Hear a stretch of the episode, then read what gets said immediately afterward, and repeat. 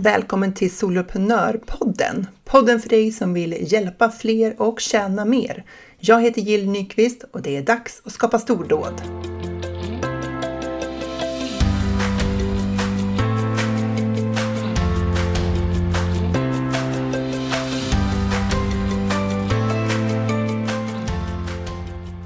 Den här veckan ska vi ha en workshop i Soloprenörerna. Den heter Dina tjänster och kundens köpresa.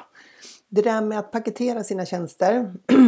så vilka, vad ska man ha för erbjudanden och vad ska de innehålla? Och sen eh, frågan om prissättning. Alla frågor kring det där är ju ofta någonting som vi jobbar rätt mycket med, tänker mycket på när vi driver företag. För att med vd-hatten på så är det ju du som bestämmer hur du vill ha dina tjänster, vad de ska kosta och sådär. Eh, men, ehm, och det är ju fint att få bestämma det. Men hur sjutton ska man tänka då? Eh, så det kommer vi att jobba med i eh, den här månaden. Vi har ett tema per månad i Soloprenörerna och det här är temat för oktober. Och ehm, tanken är att mina medlemmar ska gå därifrån och få en tydligare bild av hur skulle den ideala vägen eh, genom företaget se ut? Alltså man tänker sig kundens köpresa. Vad ska de börja med och vad skulle vi önska att de liksom slutade med när de har tagit del av våra erbjudanden? Det kommer vi att fokusera på. Så det blir väldigt spännande. De kommer få göra lite övningar och jobba med det här under den här workshopen som är 90 minuter lång. Och jag sitter och förbereder den eh, nu. Eh, det är Alltså, jag blir så glad jämt när jag får sitta och skapa den här typen av workshops. För att jag tycker att det är så roligt att, att ehm, eh, ta fram ett sånt här material som jag hoppas då ska hjälpa mina medlemmar. Att jag får göra det eh, hela tiden löpande Eh, eller återvända till något annat material jag haft och, och liksom förbättra det. För att jag gillar verkligen att liksom paketera min kunskap och erfarenheter och sånt som jag har lärt mig Eh, och testat över tid och få liksom dela med mig av det. Så jag kan bli så här, glad, eh, så här barnsligt peppad över att jag får göra det. Liksom. Eh, och jag tänker att det är väl fantastiskt att jag har det här företaget där det här ingår för mig. Ah, ja, okej, okay, men nog om det.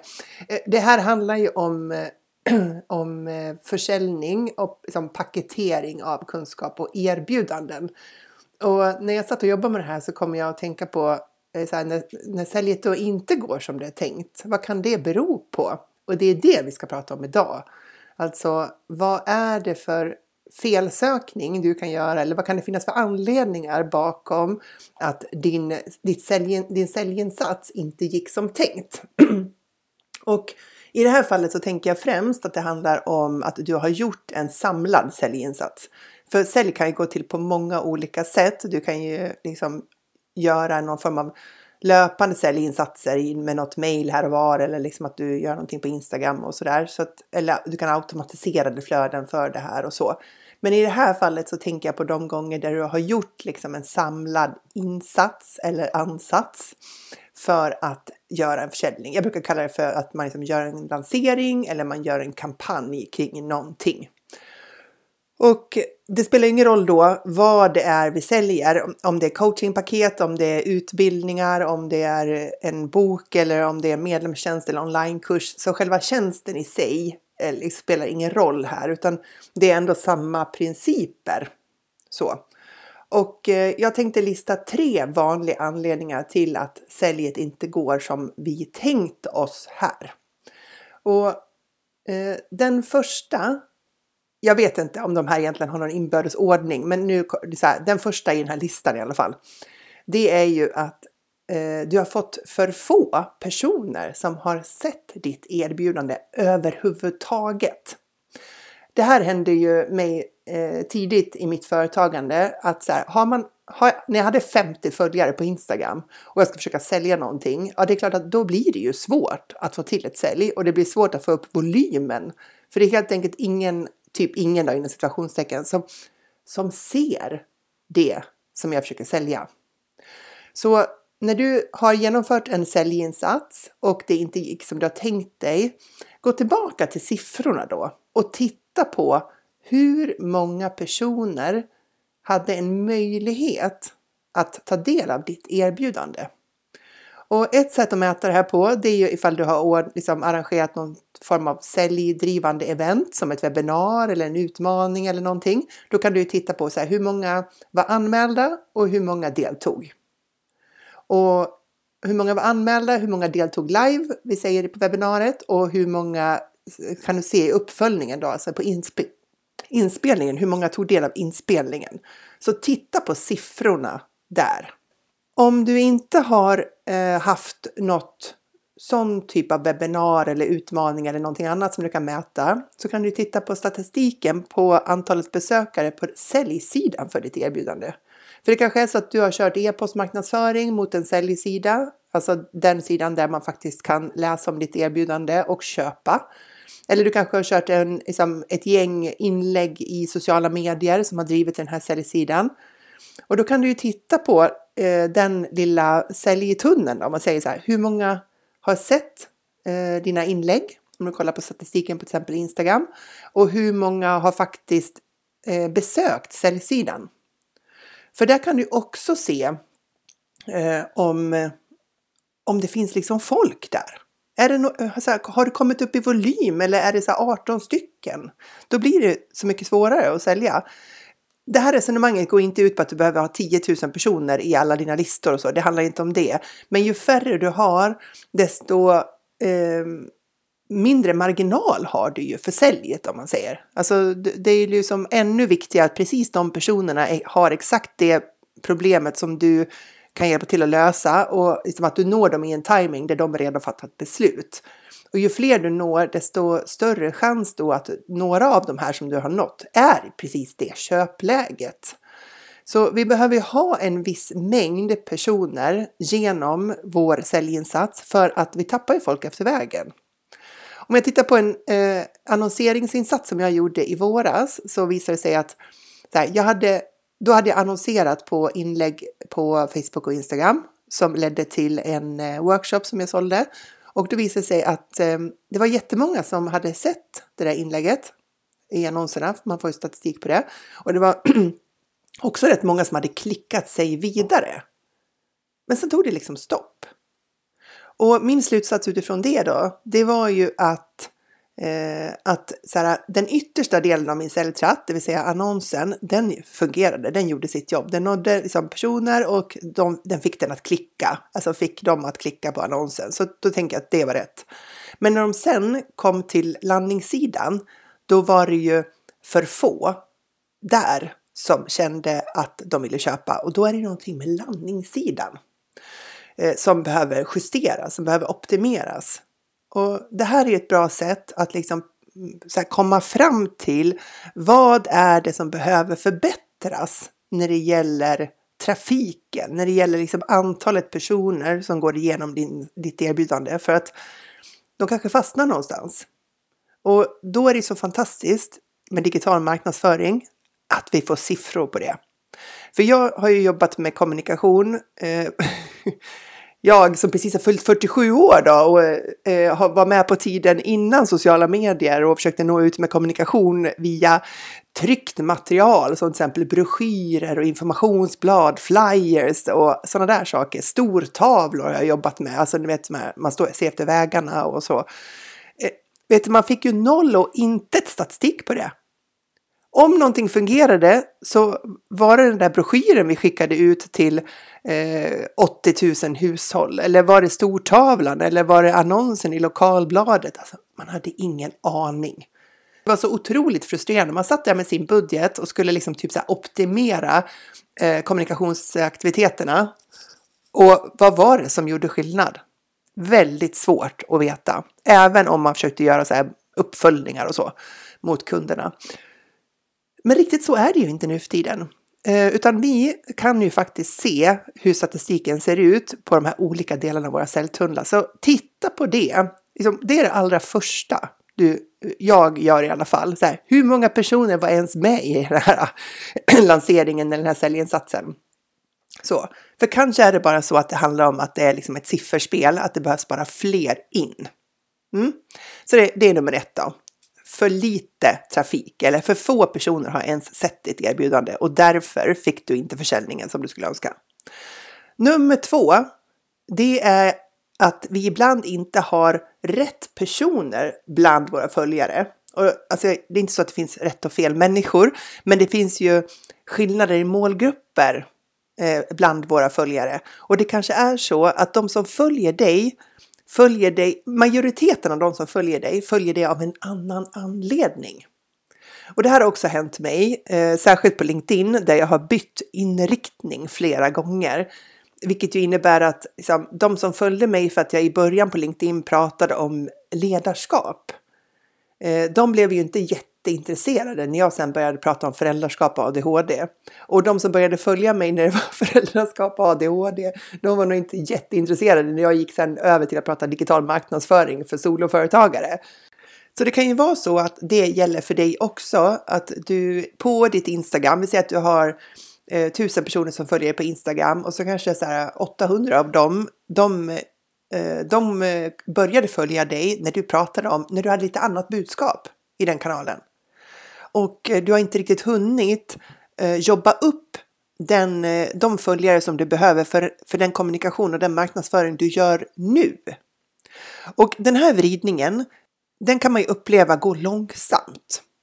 För att det tar ju tid att gå från ett, en typ av budskap där du når en målgrupp, vi säger på Instagram då, och så ska du Eh, så har, börjar du kommunicera någonting annat. Och ditt, din förändring i kommunikationen kan ju gå från en dag till en annan. Du bara bestämmer dig för, som i mitt fall med LinkedIn, okej, okay, jag ska inte längre använda mitt LinkedIn-konto för att prata om ADHD och föräldraskap. Jag ska använda det för att rikta mig till de som vill lära sig om digital marknadsföring och försäljning online, som är soloföretagare.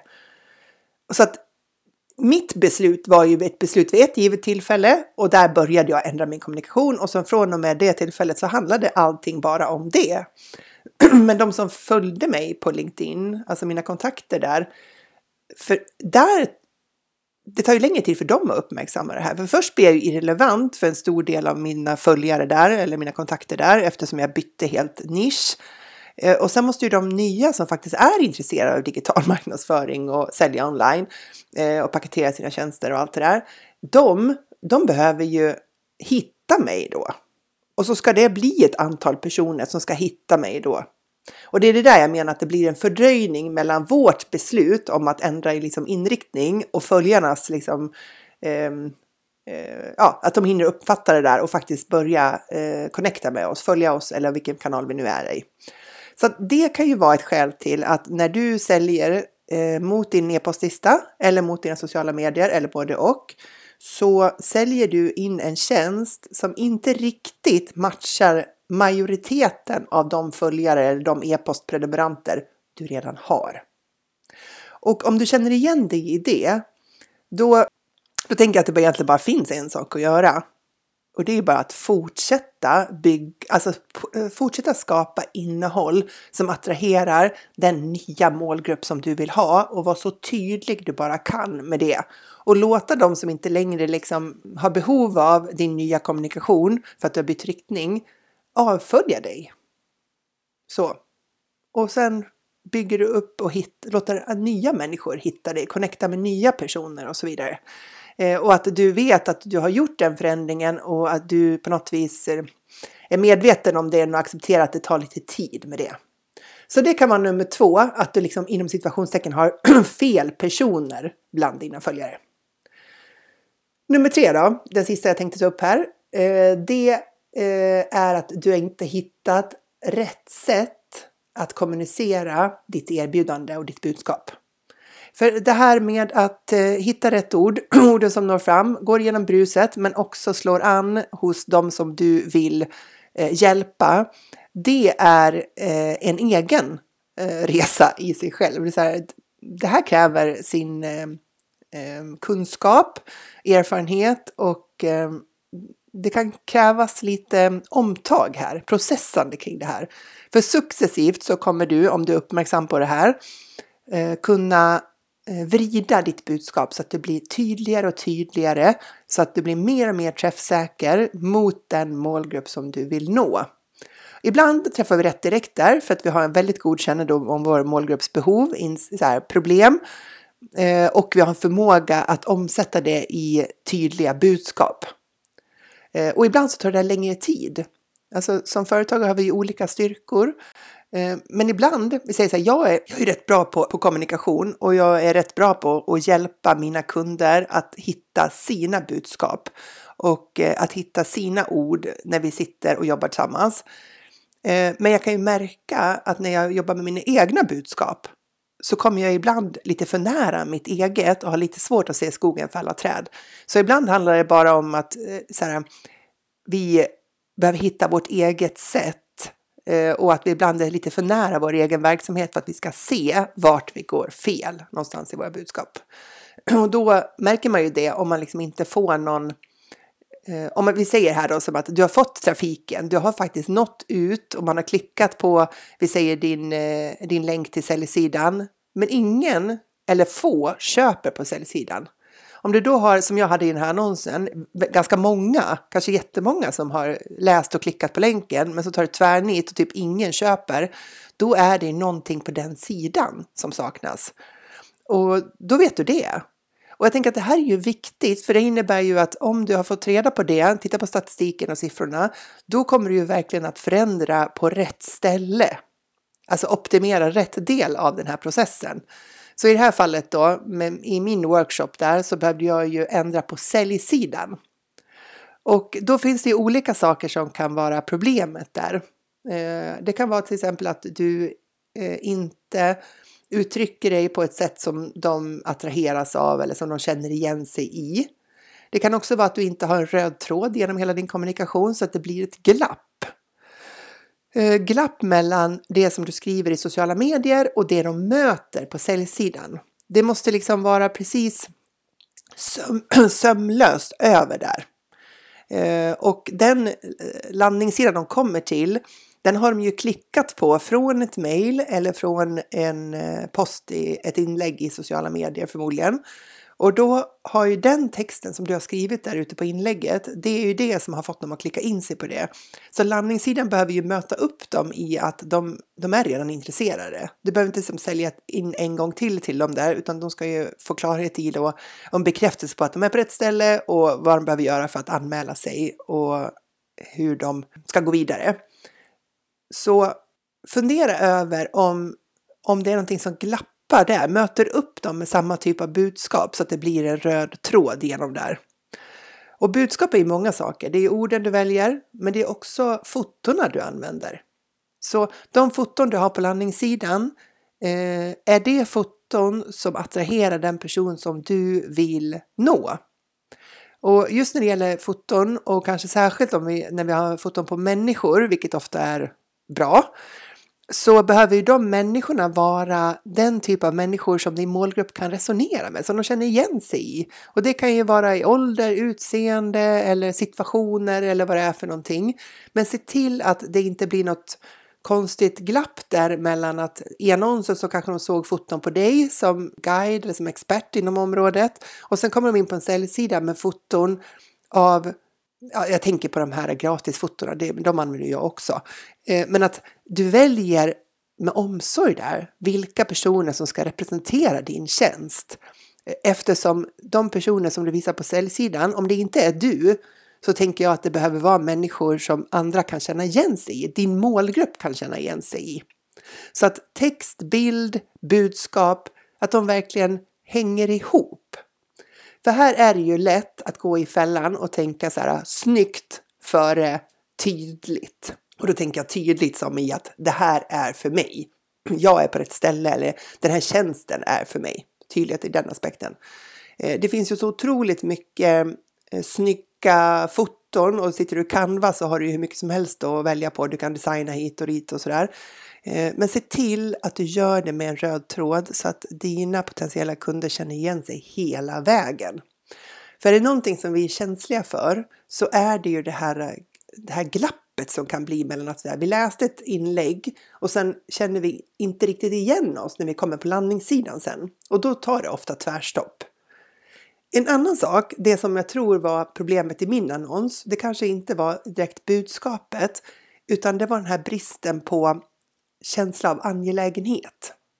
Att så här, ja, ah, men jag kan kolla på det här sen. Det fanns ingenting som tydligt kommunicerade på min, liksom på min landningssida då varför man skulle köpa just nu. Jag hade inte gjort det tydligt för dem att det fanns en deadline, det fanns en, eh, en begränsning i tid om man vill ta del av det här erbjudandet. Och det eh, är ju väldigt lätt för oss människor att skjuta upp ett beslut om vi inte ser någon deadline någonstans. Tänker man, det här ser intressant ut. Jag kollar på det sen. Och du vet, vi vill inte hamna i den där sen-högen, för sen-högen, den kommer man aldrig ur. du, det här känner du säkert igen och jag har gjort det hur många gånger som helst, att jag har tänkt att intressant. Mm. Och sen blev det inget mer med det. Så, så att det var väl, det tror jag, det är analysen eh, från min sida, att det var det som eh, erbjudandet föll på i den annonsen. Eftersom jag kunde se att jag hade trafik till sidan. Så det här är tre eh, anledningar till att ditt, alltså tre potentiella anledningar till att ditt sälj inte gick som tänkt. Att du når för få personer och då måste du titta på så här, hur kan du öka din räckvidd? Hur kan du se till att ditt erbjudande träffar fler personer? Fler måste se det här och jobba på det. Ja, nummer två då, det är att du har en stor räckvidd, men du har liksom gjort någon vridning i ditt företag så att de personer du har i, på din e-postlista eller i dina olika sociala kanaler matchar inte riktigt eh, den målgrupp som du nu vänder dig till och därmed så är dina erbjudanden inte så relevanta för dem och då påverkar det försäljningen negativt. Och nummer tre, det handlar om budskap och framförande. Att det blir någon form av glapp i kommunikationen och marknadsföringen. Den röda tråden bryts liksom så att de inte riktigt känner igen sig i hela vägen genom ditt erbjudande. Och det kan då handla både om budskap, texter, men det kan också vara foton och design i det här. Så att din målgrupp måste känna att det är för dem hela vägen. Eh, annars så, så blir det något så här som man, man behöver liksom fundera över. Eh, så här, är det här på rätt ställe? Vad handlar det här om egentligen? Och så där. Och många gånger handlar det där om dina ord. Den röda tråden hålls samman med hur du beskriver saker och ting. Så att du använder samma typ av ord så att de känner igen sig genom det här. Men fotona är också viktiga i det här och designen. Så det är tre eh, tre varianter av anledningar som du kan eh, fundera över när det gäller din senaste säljinsats. Om det är något av det här som du kan liksom göra en liten egen analys av och se ifall det var här det brast, om du har fått dålig försäljning i samband med någon typ av riktad eller organiserad säljinsats som du har gjort på sistone eller längre tillbaka. Och håll verkligen koll på siffrorna. Så skriv ner statistiken för de här äh, sakerna för att det är bra också att kunna jämföra sig i nästa säljinsats. Vi säger att om du hade ehm, 250 eh, som såg din säljsida i första lanseringen och sen nästa gång kommer du upp till 650 som ser den eller 1000 eller så. Då kan du jämföra det här med dig själv och lära dig att dra slutsatser från det. Det är otroligt värdefullt så hoppas jag att att eh, de här tre anledningarna kan hjälpa dig så att du kan så här, undvika de här eh, sakerna framåt för att du ska kunna skapa dina stordåd.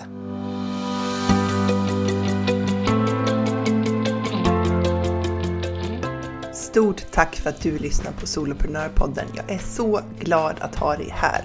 Du får jättegärna lämna mig en review på iTunes och ratea podden. Ge den fem stjärnor om du tycker att den är värd det, så hjälper du mig att sprida den till fler. Eller varför inte ta en skärmdump på det här avsnittet och tagga mig på en story på Instagram, solopreneur.nu.